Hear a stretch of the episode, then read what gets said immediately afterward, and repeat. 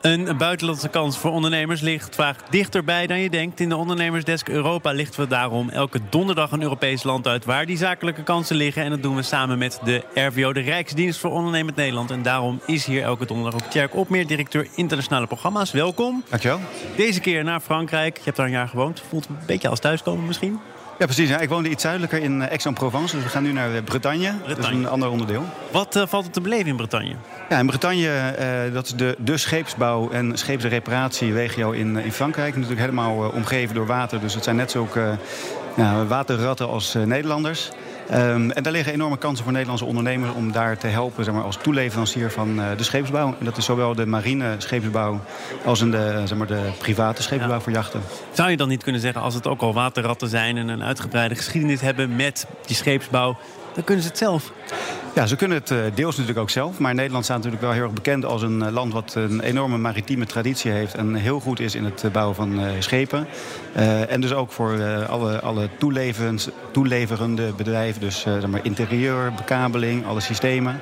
En daar kijken de Fransen toch wel heel erg naar Nederlandse ondernemers. Omdat we daar uiteindelijk ook wel heel erg gewaardeerd worden om hoe we dat doen.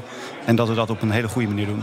Als het echt gaat over marine, dan moet er volgens mij ook een enorme concurrentie tussen landen. Hè, om hele grote opdrachten. Maar laten we even kijken naar welke bedrijven zich dan bijvoorbeeld zouden kunnen melden. Of misschien al hebben gemeld voor die reis. Ja, nou, er is een aantal, aantal bedrijven wat zich heeft uh, gemeld ook. Ik zal hier verder niet de namen gaan noemen, want uh, dat is misschien zwaarder voor hun. Maar in ieder geval bedrijven zeg maar, in, de, in, de, in de, de bouw zeg maar, van de interieurs, in de bekabeling, in... zeg maar, het zorgen dat de juiste systemen, alarmsystemen en dat soort dingen er zijn. Maar ook om te kijken van hoe kan je ook zo'n schip natuurlijk een stuk duurzamer bouwen. Um, en daar liggen kansen voor Nederlandse bedrijven. En die kunnen mee op uh, missie 1 tot en met 3 juli. Gaat daar een, uh, een, missie naartoe wat georganiseerd is door ons Netherlands Business Support Office die in Nantes zit. En dat doen ze samen met de Netherlands Maritime Technology Cluster. Foutloos. ja, en, en die gaan daar ook op bezoek bij, bij een aantal scheepswerven, waaronder ook ehm, een van de, van de grote Naval Groep. En die gaan daar ook uitleggen op wat voor manier zij tenders neerzetten... en wat voor wensen en eisen ze daarbij hebben. Dus dat is meteen een uitgelezen kans om daar ook de goede contacten op te doen. Nederland behoort tot de wereldtop. Ja. Uh, zijn er toch ook nog landen die uh, we wat dat betreft een beetje in de gaten moeten houden... die het ook wel heel goed kunnen? Die Fransen hebben misschien een keuze? Ja, ja ik, denk, ik denk met name de Fransen zelf. Ja. En, uh, en verder denk ik dat we heel weinig concurrentie hebben. Nou, ongetwijfeld zijn er, zijn er andere, maar ik denk dat we wel hele goede, goede kansen kunnen maken. Hoe benader je bedrijven hiervoor? Gaan jullie actief naar Nederlandse scheepsbouw of, of interieurbedrijven toe om te zeggen: we gaan hier naartoe?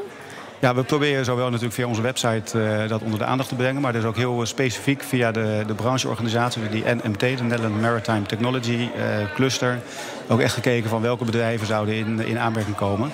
Maar daarom is het ook heel erg handig om via deze manier ook bedrijven die dat nog niet weten, ook te laten weten dat er een, een grote kans ligt. En dat ze zich nog tot voor mij volgende week kunnen aanmelden. Zou het ook schelen als die mensen die meegaan een beetje Frans uh, spreken?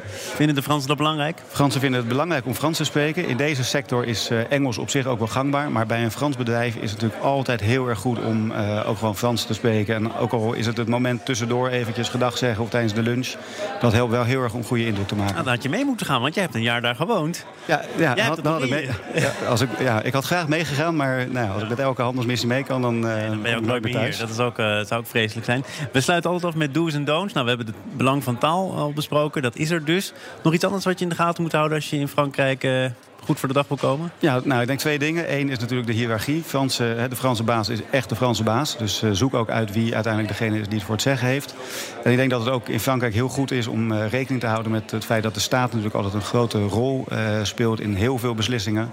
Um, dus hier is het ook nuttig om bijvoorbeeld via ons eigen netwerk ook contacten met de overheid te houden en zorgen dat je zichtbaar bent. Ja, wat zouden eigenlijk normaal gesproken natuurlijk liever voor een Frans bedrijf kiezen, toch? Chauvinisme is ook een van het Frans afgeleid woord. Ja, die, die laten graag aan jou. Maar uh, de Fransen zouden inderdaad zomaar ook voor een Frans bedrijf kunnen kiezen. Dankjewel. Tjerk Opmeer, tot volgende week. Tot volgende week, dankjewel.